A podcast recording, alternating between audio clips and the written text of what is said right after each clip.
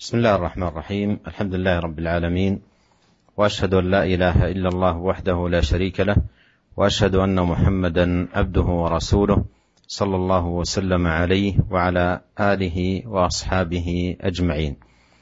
أما بعد عقد الإمام النووي رحمه الله تعالى في كتابه رياض الصالحين بابا بعنوان باب التحذير من إيذاء الصالحين والضعفة والمساكين. هذه الترجمة أيها الإخوة الكرام عقدها رحمه الله لبيان خطورة إيذاء الناس ولا سيما إيذاء أهل الصلاح أو إيذاء الضعيف والفقير واليتيم ونحو ذلك.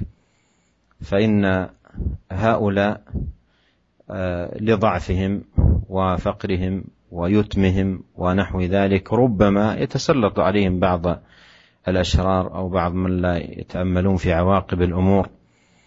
فجاء التحذير من ذلك لخطورة هذا الأمر لأن اليتيم والضعيف والمسكين يلاطف حتى إذا لم يساعد يدفع بال بالتي أحسن وبالكلمة الطيبة دون نهر أو زجر أو دفع أو إيذاء له. أورد رحمه الله تعالى قول الله عز وجل والذين يؤذون المؤمنين والمؤمنات بغير ما اكتسبوا فقد احتملوا بهتانا وإثما مبينا وهذه الآية في التحذير من إيذاء أهل الإيمان سواء بالقول أو الفعل لأن الإيذاء تارة يكون بالقول وتارة يكون بالفعل وتارة يكون بهما معا. فجاءت هذه الآية الكريمة محذرة من إيذاء المؤمنين وإيذاء المؤمنات بغير ما اكتسبوا. بغير ما اكتسبوا أي بغير جرم استحقوا عليه أن يعاقبوا أو أن يقام عليهم حد أو نحو ذلك. ويدخل في هذه الترجمة الحديث الذي مر معنا في في في في, في لقائنا السابق وهو حديث من عادى لي وليا فقد آذنته في الحرب. ولهذا يقول النووي رحمه الله وأما الأحاديث فكثيرة. منها حديث أبي هريرة رضي الله عنه في الباب قبل هذا من عادى لي وليا فقد آذنته بالحرب. ومنها حديث سعد بن أبي وقاص السابق في باب ملاطفة اليتيم وقوله يا أبا بكر لئن كنت أغضبتهم لقد أغضبت ربك. وأورد أيضا رحمه الله قول الله سبحانه وتعالى فأما اليتيم فلا تقهر وأما السائل فلا تنهر. وهذا فيه الدعوة إلى ملاطفة اليمين وعدم زجر السائل وإنما يعاملون بالحسنى إن تمكن الإنسان من مساعدتهم ومعاونتهم وإلا قابلهم باللطف والكلمة الطيبة. ثم ختم رحمه الله هذه الترجمة بحديث جندب بن عبد الله رضي الله عنه. قال قال رسول الله صلى الله عليه وسلم من صلى صلاة الصبح فهو في ذمة الله فلا يطلبنكم الله من ذمته بشيء. فإنه من يطلبه من ذمته بشيء يدركه ثم يكبه على وجهه في نار جهنم رواه مسلم. وقوله عليه الصلاة والسلام فهو في ذمة الله أي في حفظ الله سبحانه وتعالى ورعايته. وقوله يكبه أي يلقيه في النار على وجهه عياذا بالله من ذلك. وهذا الحديث فيه التحذير الشديد من إيذاء الصالحين ولا سيما أهل المساجد هم أهل الصلاح الذين يحافظون على أداء الصلاة في بيوت الله تبارك وتعالى. فها هو نبينا صلى الله عليه وسلم يشيد هذه الإشادة ويبين هذه المكانة لمن يصلي الصبح وأنه في ذمة الله أي حفظ الله ورعايته طوال يومه. فيحذر من إيذائه أو ظلمه أو التعدي عليه يقول فلا يطلبنكم الله من ذمته بشيء فإنه من يطلبه بذمته بشيء يدركه ثم يكبه على وجهه في نار جهنم. ومما أذكر من الطرائف اللطيفة حول هذا الحديث أن صبيا آه، صغيرا في آه، المراحل الأولى من آه، الدراسة كأنه حصل منه شيء في المدرسة فأراد الأستاذ أن يعاقبه أن يضربه. فقال للأستاذ يا أستاذ لا تستطيع أن أن تعاقبني. وولد صغير. قال لا تستطيع أن تعاقبني أو أن تضربني. قال لماذا لا أستطيع؟ قال لأني اليوم صليت الفجر في المسجد. وكان يحفظ ذاك الطفل الحديث. قال وقد قال عليه الصلاة والسلام من صلى الصبح فهو في ذمة الله فلا يطلبنكم الله من ذمته بشيء فضحك أستاذه ولم يتعرض له بشيء بسم الله الرحمن الرحيم Alhamdulillah segala puji dan syukur kita panjatkan kehadirat Allah Subhanahu wa taala. Salawat dan salam semoga senantiasa tercurahkan kepada suri teladan kita, junjungan kita Nabi Muhammad sallallahu alaihi wasallam dan juga semoga tercurahkan kepada keluarga beliau dan seluruh sahabat beliau tanpa terkecuali. Para pendengar yang dirahmati oleh Allah Subhanahu wa taala, kita masuk pada bab yang baru, bab yang nomor 48, bab tahdzir min idza'is salihin wa dha'afati wal masakin. Bab tentang peringatan. Ya peringatan jangan sampai mengganggu orang-orang yang saleh demikian juga orang-orang yang lemah dan orang-orang yang miskin. Para para pendengar yang dirahmati oleh Allah Subhanahu wa taala bab ini dibuat oleh Al Imam Nawawi rahimahullah untuk menjelaskan tentang bahayanya ya bahayanya mengganggu manusia secara umum terutama mengganggu orang-orang yang saleh menyakiti orang-orang yang saleh dan juga menyakiti orang-orang yang lemah seperti orang-orang yang fakir, yang miskin, anak yatim, ya, dan yang lainnya orang-orang lemah yang lainnya. Kenapa? Karena bisa jadi karena kelemahan mereka, akhirnya mereka dikuasai dan didolimi oleh orang-orang yang buruk. Orang-orang jahat pun mengganggu mereka, dengan mudah mengganggu mereka. Kenapa? Mereka tidak punya kemampuan untuk membela karena mereka lemah. Oleh karenanya syariat ya mengajarkan kepada kita jika kita bertemu dengan orang-orang lemah seperti orang yatim, orang fakir, orang miskin yang minta-minta, maka jika kita tidak bisa membantu mereka, maka hendaknya kita bersikap lemah lembut terhadap mereka dengan perkataan yang baik terhadap mereka kalau kita tidak bisa membantu mereka. Al-Imam Nawawi rahimahullah membawakan sebuah ayat dari, dari firman Allah Subhanahu wa taala, "Walladzina yu'dzuna al-mu'minina wal mu'minati bighairi maktasabu faqad ihtamalu buhtanan wa itsman mubina." Ya, artinya dan orang-orang yang mengganggu kaum mukminin dan mengganggu dan menyakiti kaum mukminat tanpa perbuatan yang mereka lakukan ya. Faqad ihtamalu maka sungguh para pengganggu tersebut telah memikul kedustaan dan dosa yang jelas, dosa yang nyata. Ayat ini ya ada peringatan keras terhadap orang-orang yang mengganggu ahlul iman, baik kaum mukminin maupun kaum mukminat. Mengganggu mereka dengan perkataan maupun dengan sikap, dengan perbuatan. Karena kita tahu bahwasanya sikap mengganggu itu menyakiti kaum mukminin bisa dengan perkataan, bisa dengan perbuatan. Ya, bisa e, menyakiti dengan perbuatan bahkan bisa juga dengan e, perkataan. Padahal mereka tidak melakukan ya orang kaum mukminin tersebut tidak melakukan suatu kesalahan, tidak melakukan suatu bentuk kriminal sehingga mereka harus di, diganggu, disakiti ya.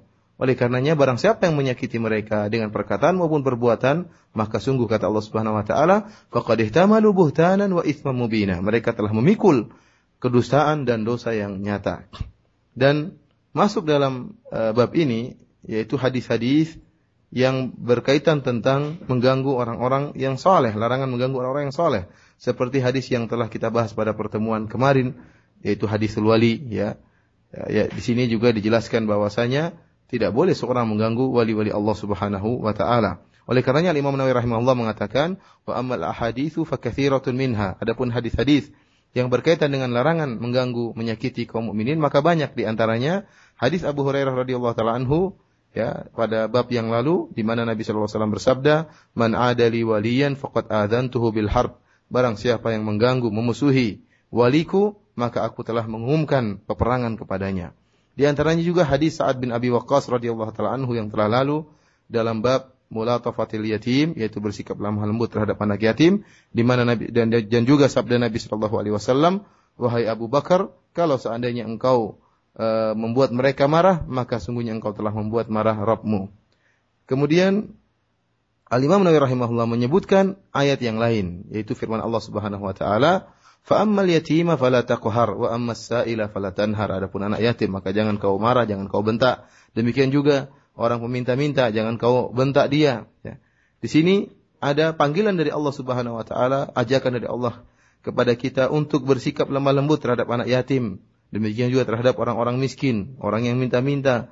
Kalau kita bisa membantu mereka dengan harta kita, dengan bantuan kita, maka alhamdulillah. Namun jika kita tidak bisa membantu mereka, maka janganlah kita balas mereka dengan sikap yang kasar, dengan sikap yang keras, dengan bentakan, dengan marahan. Tetapi kita mensikapi mereka dengan sikap yang lemah lembut. Kemudian Al-Imam Nawawi rahimahullah menutup bab ini dengan sebuah hadis yang diriwayatkan dari sahabat Jundub bin Abdullah radhiyallahu taala anhu bahwasanya Rasulullah sallallahu alaihi wasallam bersabda, "Man shalla salata subhi fahuwa fi dhimmatillah." Barang siapa yang salat subuh, maka dia berada dalam penjagaan Allah Subhanahu wa taala. Fala yatlubannakumullah min dhimmatihi bi syai'. Maka jangan sampai Allah Subhanahu wa taala uh, mencari uh, penjagaannya dari kalian sedikit pun. Fa innahu man yatlubhu min dhimmatihi bi syai' yudrikhu thumma yakubbahu ala wajhi fi nari jahannam.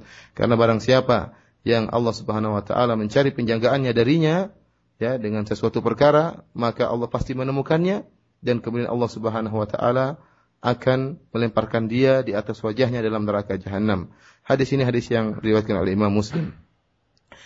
Para pendengar yang dirahmati oleh Allah Subhanahu wa taala, dalam hadis ini ya ada peringatan keras terhadap orang-orang yang mengganggu orang-orang yang baik, ahlus salah, terutama ahlul masajid, orang-orang yang senantiasa salat di masjid, terutama yang salat subuh di masjid.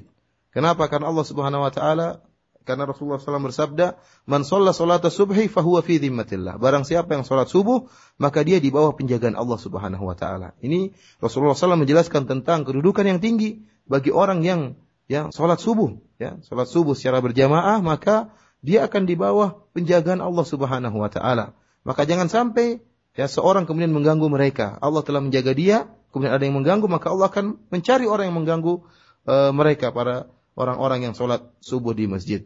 Oleh karenanya, ini penjelasan tentang kedudukan dan penjagaan Allah terhadap orang-orang yang sholat subuh secara berjamaah. Kemudian, saya menyebutkan bahwasanya ada suatu kisah yang yang menarik ya, kisah yang lucu ya.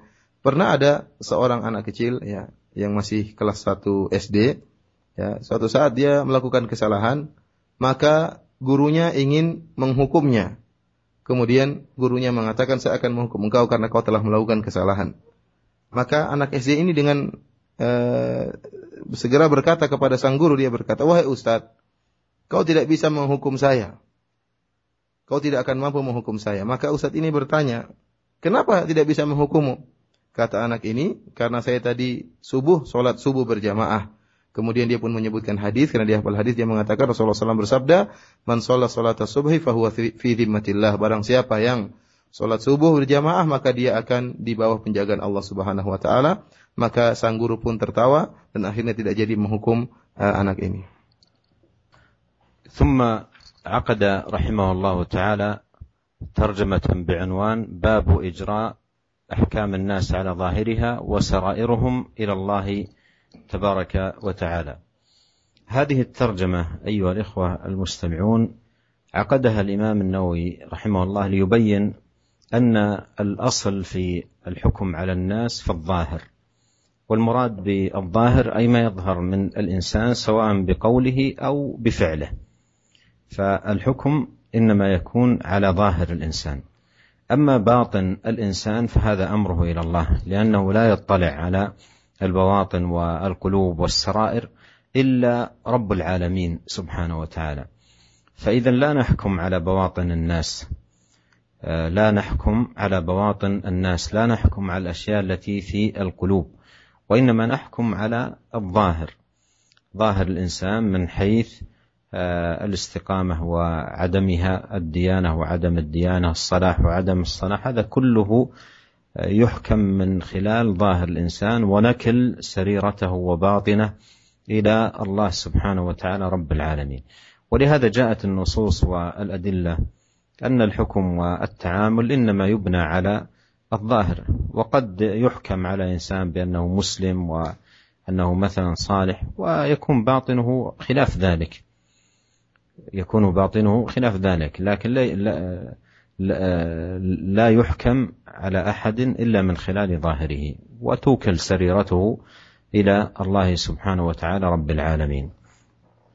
أورد الإمام النووي رحمه الله أولا قول الله سبحانه وتعالى فإن تابوا وأقاموا الصلاة وآتوا الزكاة فخلوا سبيلهم. قوله جل وعلا فخلوا سبيلهم هذه مبنية على هذه الأمور الظاهرة إعلان التوبة وإقام الصلاة وإيتاء الزكاة. فهذه الأمور الظاهرة تبنى عليها آه، الأحكام وسواء آه، ما ظهر منهم بلسانه مثل أن يقول أنا تبت وأنا تائب أو ينطق الشهادة وأيضا بفعاله من صلاة وزكاة ونحو ذلك. أما السرائر فتوكل إلى الله عز وجل ويوم القيامة تكشف هذه السرائر وحصل ما في الصدور كما قال الله تعالى وأيضا كما قال يومئذ تعرضون لا تخفى منكم خافية فجميع ما كان يخفيه الإنسان يظهر يوم القيامة Para pendengar yang dirahmati oleh Allah Subhanahu wa taala, kemudian kita masuk pada bab yang baru, bab yang nomor 49, bab ijra'u ahkamin nas 'ala zahir, yaitu kita memperlakukan hukum terhadap manusia sesuai dengan zahir mereka. Wa sarairuhum ila Allah. Adapun kita menyerahkan masalah batin mereka, kita serahkan kepada Allah Subhanahu wa taala. Nah, bab ini dibuat oleh Al-Imam Nawawi rahimahullah untuk menjelaskan bahwasanya hukum asal dalam menghukumi manusia adalah berdasarkan zahir mereka, apa yang nampak dari mereka, baik perkataan yang nampak dari mereka ataupun perbuatan yang nampak dari mereka. Adapun batin mereka, batin seseorang, ya, kita serahkan urusannya kepada Allah Subhanahu wa taala. Kenapa? Karena tidak ada yang bisa mengetahui batin seseorang, tidak ada yang mengetahui hati seseorang, gerak-gerik hati seseorang kecuali Allah Subhanahu wa taala. Tidak seorang pun yang mengetahui gerak-gerik hati seorang. Oleh karenanya, kita diperintahkan untuk menghukum zahir seseorang ya, bukan menghukumi batinnya. Dan tidak boleh kita berhukum dengan batin manusia, ya. Tidak berhukum dengan apa yang di, kita katakan uh, hatinya begini, hatinya begitu. Kita tidak tahu, yang tahu hanyalah Allah Subhanahu wa taala. Dan yang dimaksud dengan zahir seorang yaitu ditinjau dari uh, uh, beragamanya atau dia tidak beragama, atau istiqomahnya dia atau tidak istiqomah atau solehnya dia atau dia tidak soleh dilihat dari zahir perbuatannya. Adapun masalah e, sarairnya, rahasia batinnya, maka diserahkan kepada Allah Subhanahu wa taala. Dan dalil-dalil yang menunjukkan akan hal ini sangatlah banyak ya. Sangatlah banyak menunjukkan bahwasanya kita diperintahkan untuk menghukum manusia berdasarkan zahirnya. Bahkan bisa jadi kita menghukum seorang berdasarkan zahirnya dia seorang muslim atau dia seorang soleh. Akan tapi batinnya, hakikat batinnya ternyata menyelisih hal tersebut. Namun kita tidak boleh menghukum, kita tidak tahu. Yang tahu hanyalah Allah Subhanahu wa taala. Karena sarair, karena masalah batin kita serahkan kepada Allah Subhanahu wa taala. Al-Imam Nawawi rahimahullah membawakan firman Allah Subhanahu wa taala, "Fa in tabu wa aqamu salata fa khallu sabilahum." Allah Subhanahu wa taala berfirman, "Dan jika mereka bertobat dan mendirikan salat dan membayar zakat, maka biarkanlah mereka." Itu artinya tidak tidak diperangi. Ya, lihat dalam ayat ini Allah Subhanahu wa taala mengatakan fakhallu sabilahum, biarkan mereka, jangan dibunuh, jangan diperangi. Ini e, perintah ini dibangun di atas hukum zahir. Ya, yaitu Allah Subhanahu wa taala berfirman fa in tabu wa aqamu salata wa atu zakata.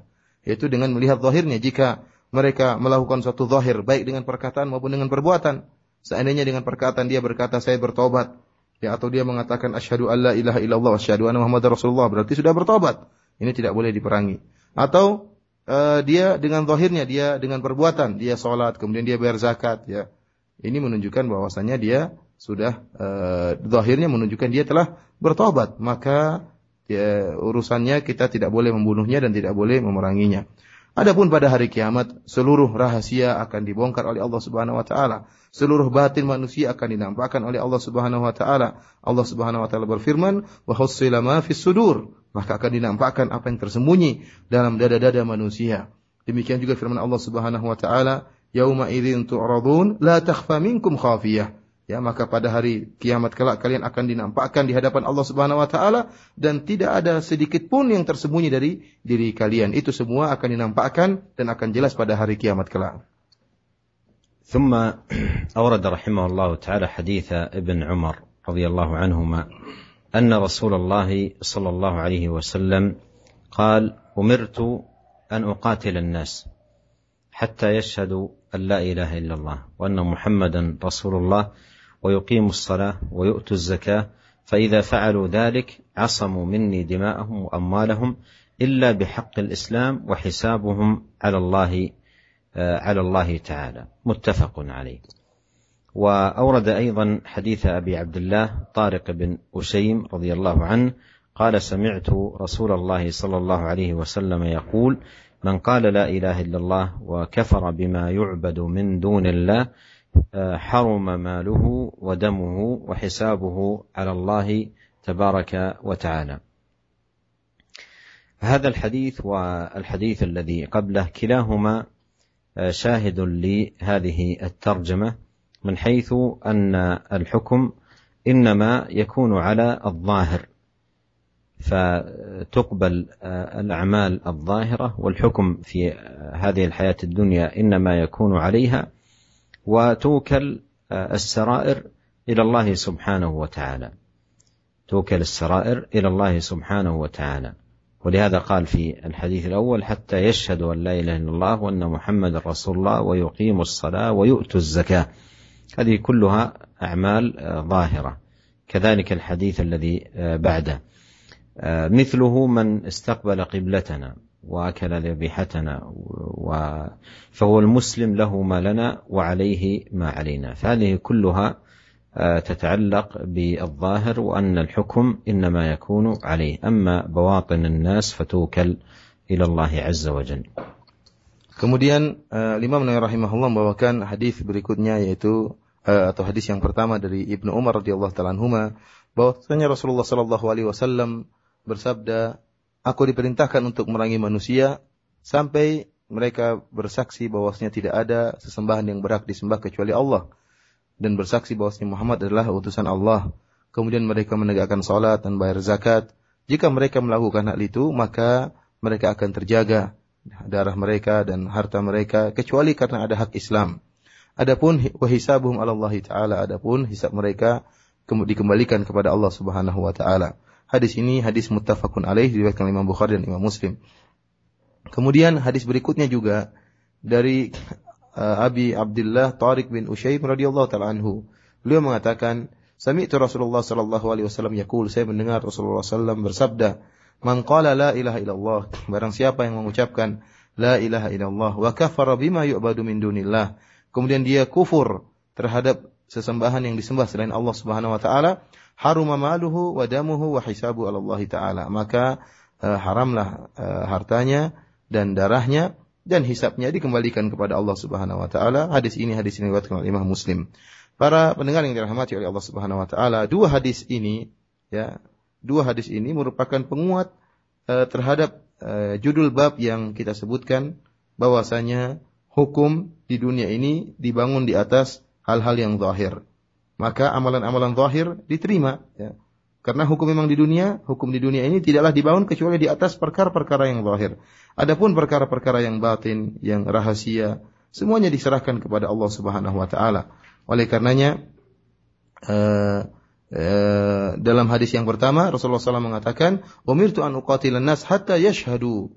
Aku diperintahkan untuk merangi manusia sampai mereka mengucapkan la ilaha illallah. Ini zahir ucapan la ilaha illallah syahadu Muhammad Rasulullah sampai mereka menegak, menegakkan salat, membayar zakat. Ini semua perkara-perkara yang zahir. Kalau mereka telah lakukan maka mereka terjaga harta dan darah mereka. Demikian juga hadis yang kedua, ya, mengqala la ilaha illallah barang saya mengucapkan la ilaha illallah dan kufur terhadap yang disembah selain Allah. Ini juga merupakan perkara yang zahir yang dibangun di atas perkara yang zahir tersebut uh, uh, hukum dalam di atas dunia bahwasanya orang yang mengucapkan la ilaha illallah kemudian salat bayar zakat maka mereka terjaga harta dan darahnya. Sebagaimana juga dalam hadis yang lain Rasulullah SAW menyebutkan bahwasanya barang siapa yang uh, uh, menyembelih sembelihan kami kemudian uh, ber, ber, bersolat ke arah kiblat kami maka dia seorang muslim.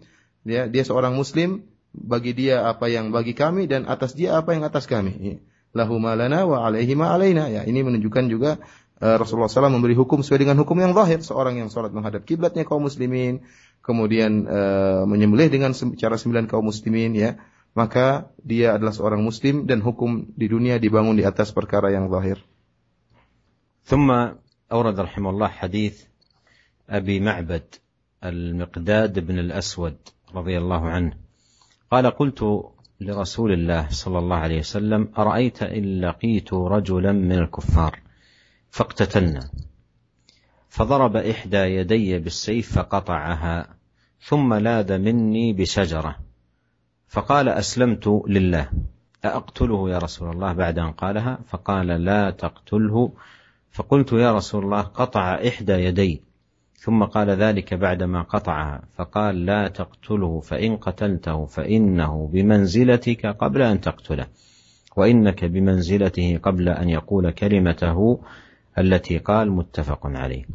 قال النووي رحمه الله ومعنى أنه بمنزلتك بمنزلتك أي قبل أن تقتله أي معصوم الدم محكوم بإسلامه.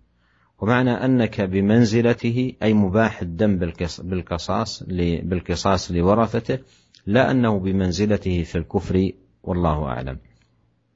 وهذا الحديث أيها الإخوة آه، المستمعون الكرام فيه شاهد للترجمة ألا وهو أن الحكم آه، يعود إلى الظاهر. فهذا الرجل عندما قال أسلمت لله أسلمت لله والمقداد يسأل النبي صلى الله عليه وسلم يقول أقتله بعد أن قالها قال لا لا تقتله مع أنه قد يكون قالها ليس عن إسلام وإنما تعوذا من القتل لكن لا يقتل.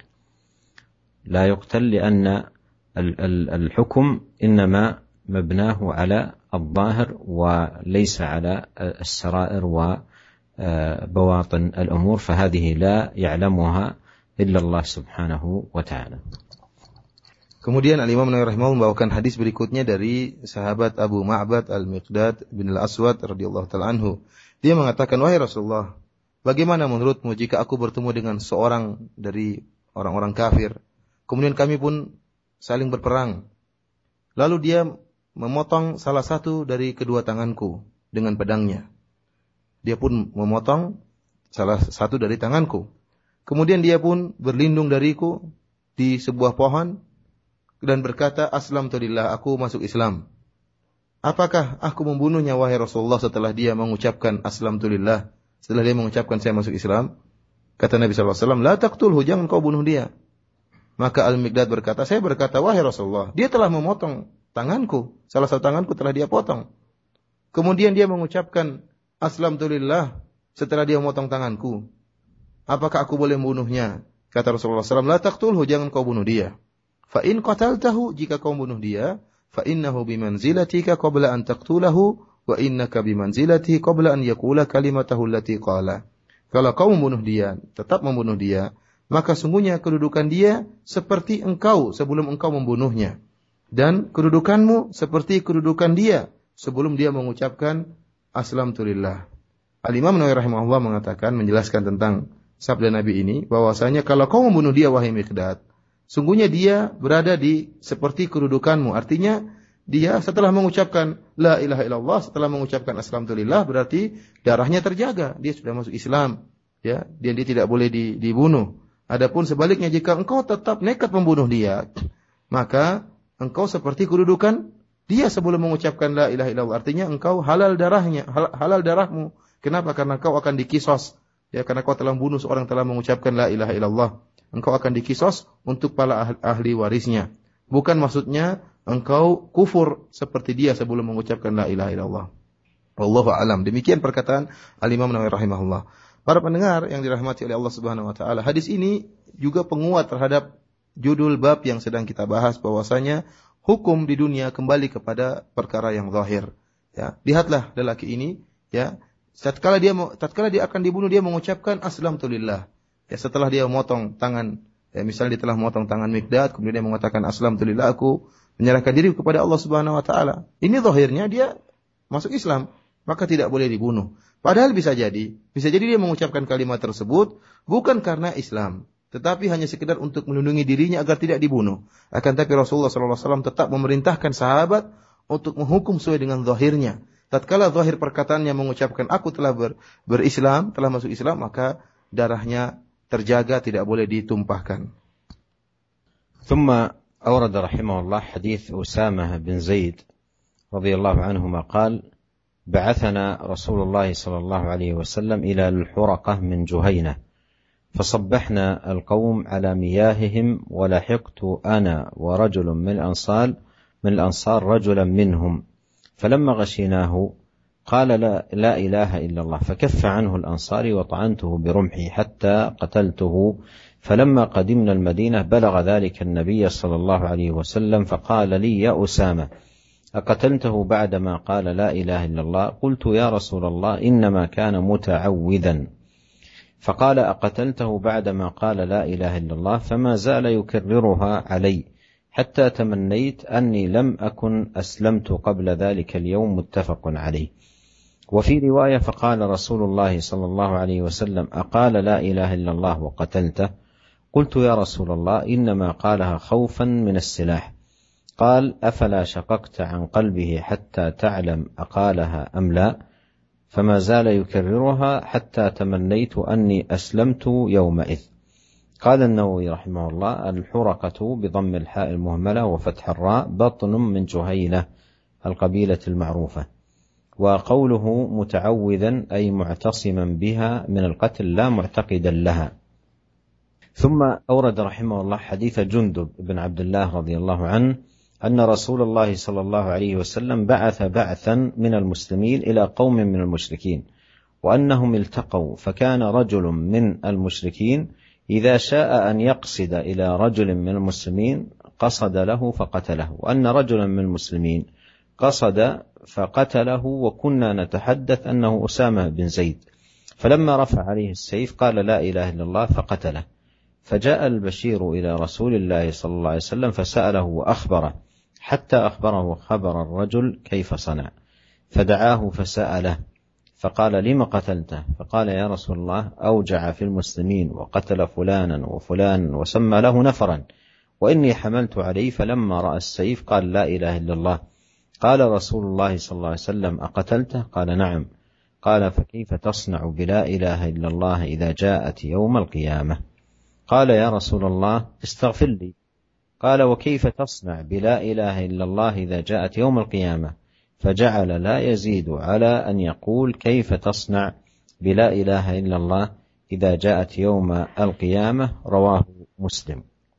هذا الحديث والحديث الذي قبله أيها الإخوة المستمعون فيه دلالة على الترجمة وهو أن الأصل في الحكم على الناس إنما هو على الظاهر.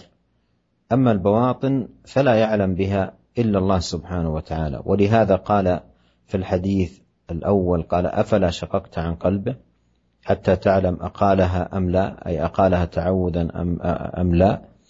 لأن هذا أمر آه، يتعلق بسريرة الإنسان ولا يمكن الحكم عليه لأنه لا سبيل للاطلاع عليه وأما الحكم إنما يكون على ظاهر الإنسان فمن نطق الشهادتين وأظهر سريرة حسنة تقبل سريرته تقبل ما أظهر وتوكل سريرته إلى الله سبحانه وتعالى.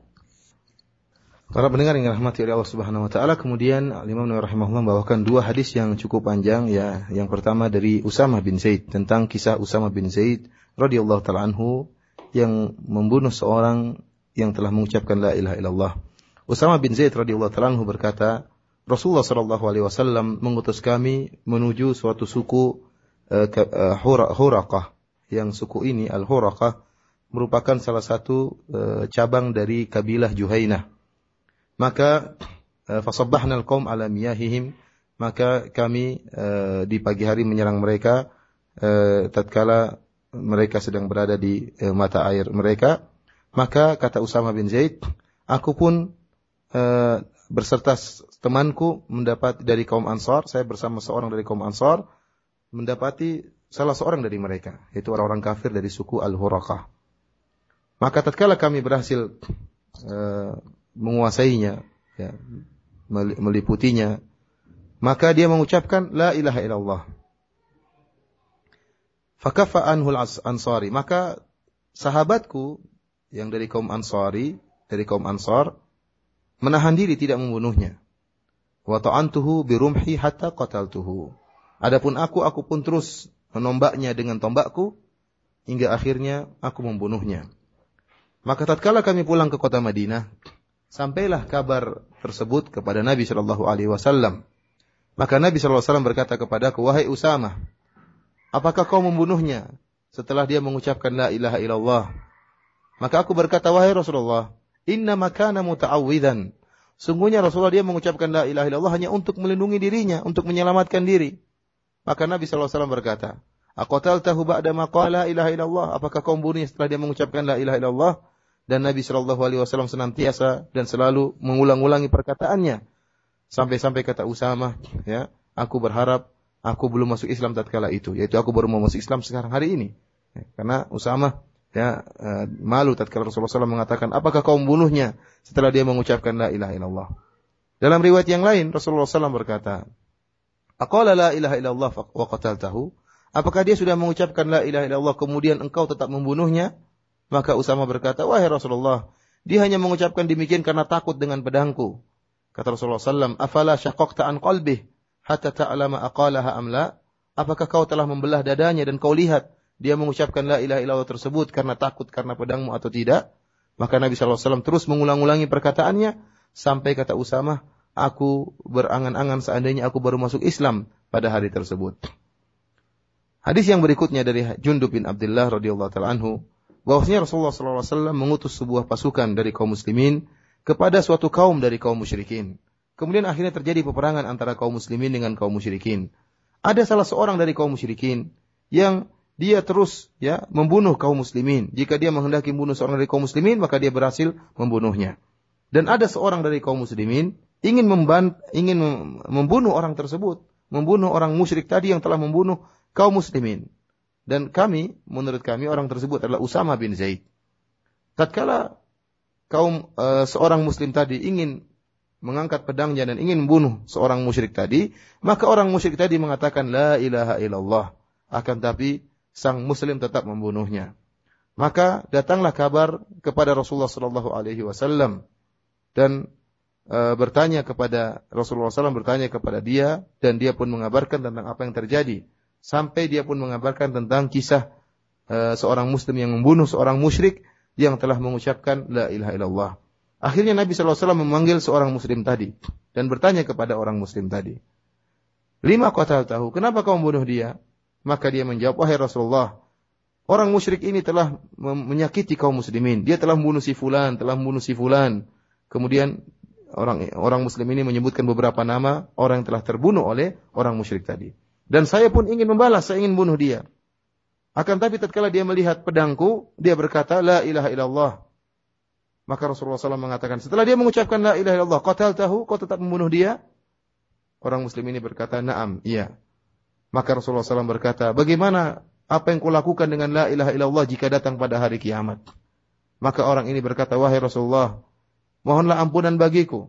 Maka Rasulullah SAW berkata, "Wa kaifa tasna'u bila ilaha illallah ja'at yaumal qiyamah?" Apa yang kau lakukan dengan la ilaha illallah jika datang pada hari kiamat? Rasulullah SAW terus mengulang-ulangi perkataannya dan tidak menambah perkataannya kecuali dia hanya berkata, "Apa yang kau lakukan dengan la ilaha illallah jika datang pada hari kiamat kelak?" Para pendengar yang dirahmati oleh Allah Subhanahu wa taala, dua hadis ini tentang kisah Usama bin Zaid radhiyallahu taala anhu memberikan dalil yang sangat tegas tentang judul bab yang sedang kita bahas bahwasanya asal dalam menghukumi seorang adalah sesuai dengan zahirnya. Adapun batinnya, ya masalah hatinya diserahkan kepada Allah Subhanahu wa taala. Oleh karenanya Nabi sallallahu alaihi wasallam berkata kepada Usamah bin Zaid, "Afala syaqaqta an qalbi? Apakah kau tidak membelah dadanya, hatinya supaya kau lihat apa niatnya, maksudnya apa?" Dan ini merupakan perkara yang mustahil tidak mungkin. Tidak mungkin seorang bisa uh, itila bisa melihat isi hati seorang yang tahu hanyalah Allah Subhanahu wa taala. Oleh karenanya barang siapa yang melakukan sesuatu yang zahir menunjukkan Islam seperti dia mengucapkan la ilaha illallah syahadatain, maka zahirnya kita terima, adapun sarairnya, rahasianya, batinnya kita serahkan kepada Allah Subhanahu wa taala. ثم ختم رحمه الله تعالى هذه الترجمة بحديث عبد الله بن عتبة بن مسعود رضي الله عنه حديث عبد الله بن عتبة بن مسعود قال سمعت عمر بن الخطاب رضي الله عنه يقول إن ناسا كانوا يأخذون بالوحي. إن ناسا كانوا يؤخذون بالوحي في عهد رسول الله صلى الله عليه وسلم. وإن الوحي قد انقطع وإنما نأخذكم الآن بما ظهر لنا من أعمالكم. فمن أظهر لنا خيرا أمناه وقربناه وليس لنا من سريرته شيء الله يحاسبه في سريرته. ومن أظهر لنا سوءا لم نأمنه ولم نصدقه وإن قال إن سريرته حسنة رواه آه، البخاري. وقوله آه، رضي الله عنه إن ناسا يؤخذون بالوحي أي آه، يأتي الوحي بفضحهم وهتك أستارهم وبيان حقيقتهم. من المنافقين وأشباههم فيؤخذون بالوحي أي يأتي الوحي فاضحا لهم هاتكا لسترهم. لكن بعد انقطاع الوحي يقول عمر إنما نأخذكم الآن بما ظهر لنا من أعمالكم. ثم بين ذلك رضي الله عنه قال فمن أظهر لنا خيرا أمناه وقربناه وليس لنا من سريرته شيء والله يحاسبه على سريرته.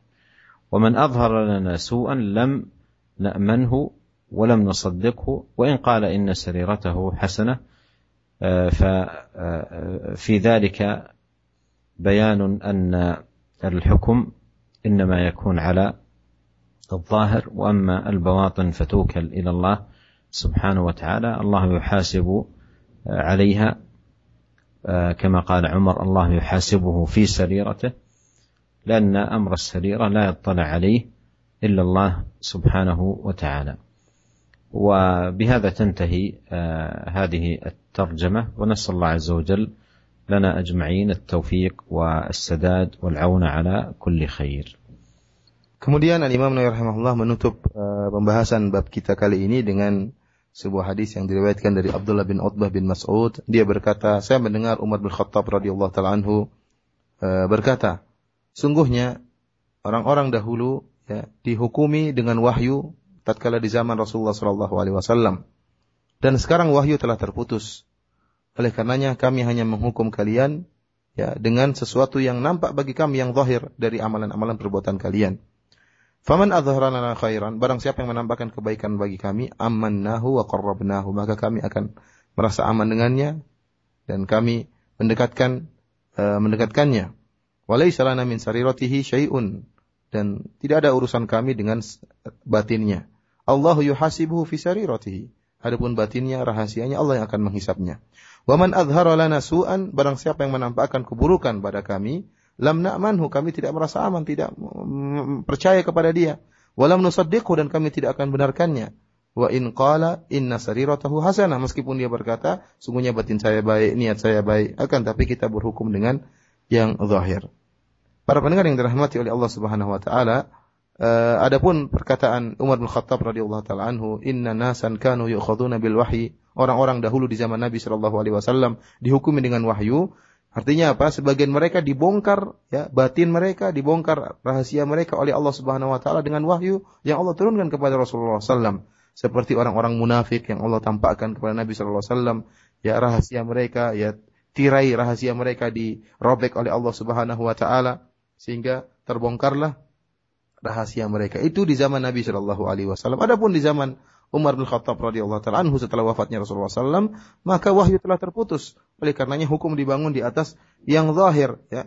Sebagaimana perkataan Umar, perkataan Umar bahwasanya kami hanya menghukum sesuai dengan yang nampak bagi kami. Kalau menampakkan kebaikan maka kami percaya dan kami membenarkannya, kami mendekatkan kami mendekatkannya. Adapun kepada kami, adapun barang siapa yang menampakkan keburukan, maka kami tidak percaya kepadanya dan kami tidak membenarkannya meskipun dia berkata sungguhnya niat saya baik, batin saya, batin saya baik. Ini jelas bahwasanya hukum dibangun di atas perkara yang zahir, adapun masalah yang batin, masalah hati, sebagaimana perkataan Umar, yuhasibuhu fi sariratihi, Allah Subhanahu wa taala akan menghisap dia tentang masalah uh, batinnya. Demikianlah para pendengar yang dirahmati Allah Subhanahu wa taala, dengan demikian uh, berakhirlah uh, pembahasan dari bab yang sangat bagus ini. Semoga bermanfaat dan semoga Allah senantiasa memberikan taufiknya kepada kita semua. Selanjutnya saya kembalikan kepada Akhi Ihsan hafizahullah taala. Jazakallah khair pada Al-Ustaz Abu Abdul Musin Firhandi yang telah menerjemahkan dari penjelasan Syekh Abdul Razak Hafizahullah Ta'ala. Masih tersisa waktu 10 menit bagi kita dan kami akan angkat beberapa pertanyaan yang telah masuk melalui pesan singkat. Dan di antaranya dari pendengar kita. Assalamualaikum warahmatullahi wabarakatuh ya Fadilat Syekh. Dari pendengar kita di Kalimantan Selatan, apabila seorang bermimpi bertemu Rasulullah Sallallahu Alaihi Wasallam, apakah mimpinya itu benar dan apakah syaitan bisa menyerupai Rasulullah dalam mimpi tersebut? Jazakallah atas jawabannya Syekh.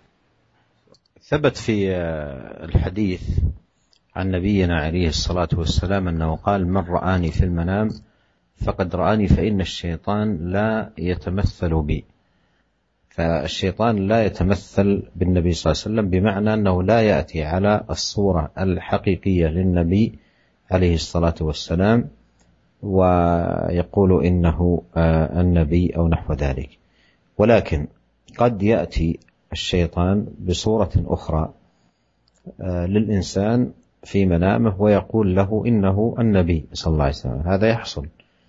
ومن هنا وقع كثير من الناس في الخطأ وربما الضلال والانحراف بسبب ما يأتيهم من آه، شيطان في المنام على صورة أخرى غير صورة النبي عليه الصلاة والسلام ويزعم أنه النبي ثم يملي له أشياء من المخالفات أو البدع أو نحو ذلك.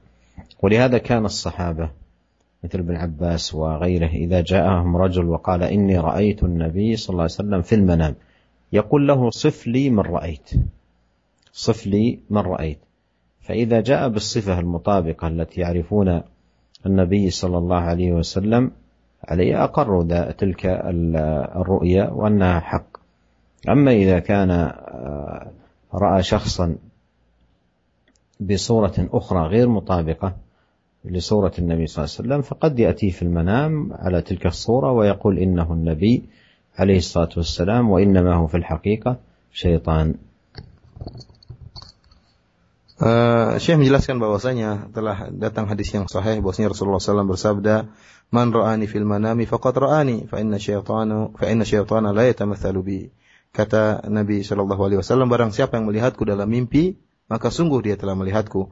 Karena syaitan tidak bisa meniruku. Oleh karena syaitan tidak mungkin datang dalam mimpi dengan bentuk Nabi Shallallahu alaihi wasallam yang sungguhnya dan mengatakan saya adalah nabi. Syaitan tidak mungkin meniru untuk Nabi Shallallahu Alaihi Wasallam. Akan tapi yang perlu kita perhatikan, terkadang syaitan datang dalam bentuk yang lain, bentuk orang yang soleh, tapi bukan Nabi Shallallahu Alaihi Wasallam. Kemudian dia mengaku-ngaku saya adalah Nabi. Ya. Dan ini yang sering terjadi pada kebanyakan orang yang akhirnya terjerumus dalam uh, kesesatan, dalam penyimpangan, dalam bid'ah dan khurafat. Karena dalam mimpinya datanglah syaitan dalam bentuk seorang soleh dan mengaku sebagai nabi. Padahal bukan Nabi Shallallahu Alaihi Wasallam. Setelah itu, setelah dia mengaku sebagai nabi, akhirnya dia pun mendiktekan kepada orang tersebut perkara-perkara yang menyimpang seperti khurafat, kemudian bid'ah dan yang lainnya. Oleh karenanya eh, di zaman para sahabat seperti Ibnu Abbas radhiyallahu taala huma, jika ada seorang mengaku melihat Nabi dalam mimpinya, maka Ibnu Abbas mengatakan, "Coba sampaikan kepadaku bagaimana sifat orang yang kau lihat tatkala dalam mimpi tersebut."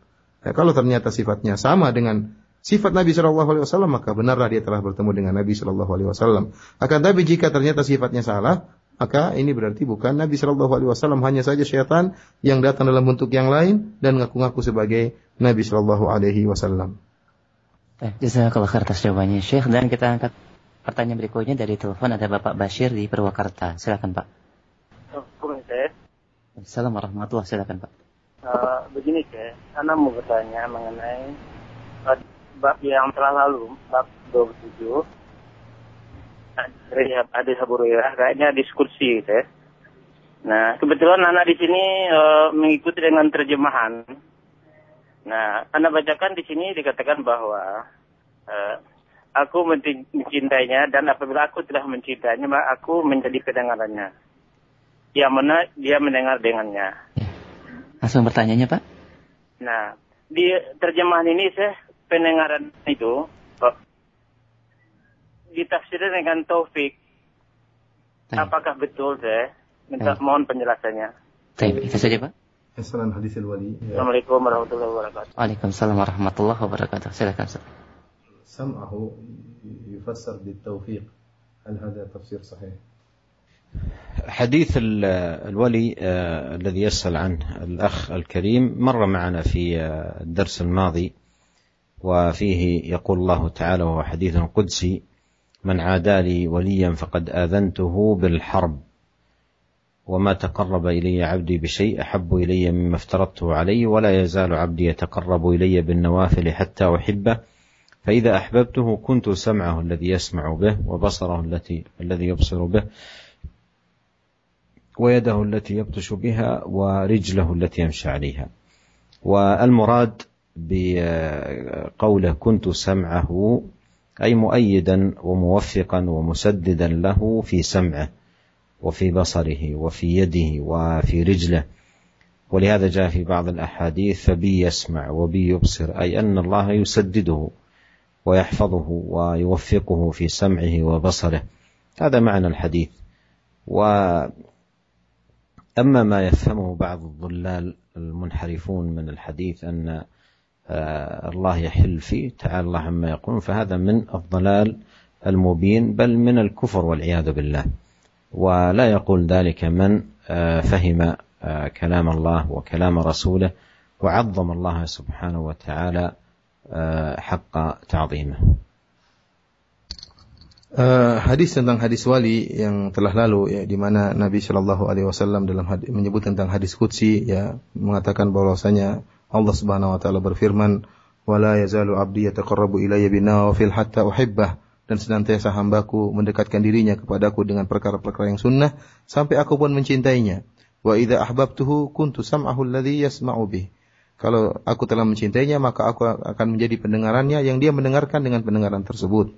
Wa basarahu alladhi yubsiru bih dan menjadi pendengarannya yang dia eh, penglihatannya dia melihat dengan penglihatan tersebut wa yadahu allati yabtishu biha dan dia aku menjadi tangan yang dia memukul dengan tangannya dan aku menjadi kakinya yang dia berjalan dengan kakinya tersebut.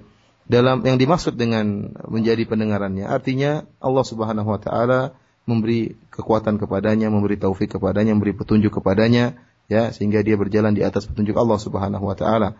Sebagaimana dalam uh, riwayat yang lain fabi yasma'u dengan aku dia pun mendengar. Wa bi yubsiru dengan aku dia pun uh, melihat ya ini pemahaman yang dimaksud dalam hadis ini adapun pemahaman yang salah yang dipahami oleh orang-orang yang sesat ya bahwasanya Allah bersatu dengan makhluk bersatu dengan seorang wali ini merupakan pemahaman yang yang yang yang, yang sesat bahkan merupakan kekufuran bagaimana Allah bersatu dengan dengan makhluk dengan manusia ya Allah Eh, kemudian menurunkan levelnya, kemudian bersatu dengan manusia yang penuh dengan kekurangan. Ini merupakan kekufuran dan tidak ada seorang ulama pun yang berpemahaman dengan seperti ini dari uh, orang-orang yang berpemahaman yang yang benar. Baik, jazakallah khair ya Syekh. Dan kami angkat kembali pertanyaan berikutnya masih dari telepon. Ada Abu Nabila di Jakarta Pusat, silakan. Halo, Assalamualaikum warahmatullahi wabarakatuh. Assalamualaikum warahmatullahi wabarakatuh. Barakallahu fiqh ya Syekh, ya Ustaz. Uh, begini sih, saya pernah dengar sebagian umat Islam dalam memahami Islam ini menggunakan istilah arti secara johir, secara batin. Sebagian menggunakan istilah arti secara tersurat dan tersirat. Sebagian lagi menggunakan istilah secara bahasa dan secara syar'i. Dari ketiga cara untuk memahami Islam ini, saya kira mana yang paling tepat sih, ya sih, untuk kita gunakan sih. Apakah secara bahasa, secara syar'i atau yang lainnya. Yang kedua sih, Uh, saya ingin satu aja mungkin ya Pak ya karena keterbatasan waktu. Terima kasih. Baik, jazakallah khair. Afwan.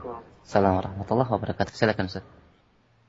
السؤال السائل يعني غير واضح لكن إذا كان يقصد جماعة عندهم شيء من الانحراف والمعارضة للنصوص ف يدعون مثلا أن النص له ظاهر وباطن وأنهم هم الذين يقفون على البواطن ويقفون على غير المنصوص عليه ويجعلون ذلك ذريعة لهم أو سبيلا لتقرير ما يرونه من باطل أو من أهواء.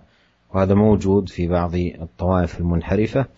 فإذا كان يقصد ذلك فلا شك أن هذا من آه، الانحراف عن دين الله ومن القول على الله وفي كتابه وفي سنة رسوله صلى الله عليه وسلم بغير هدى ولا علم.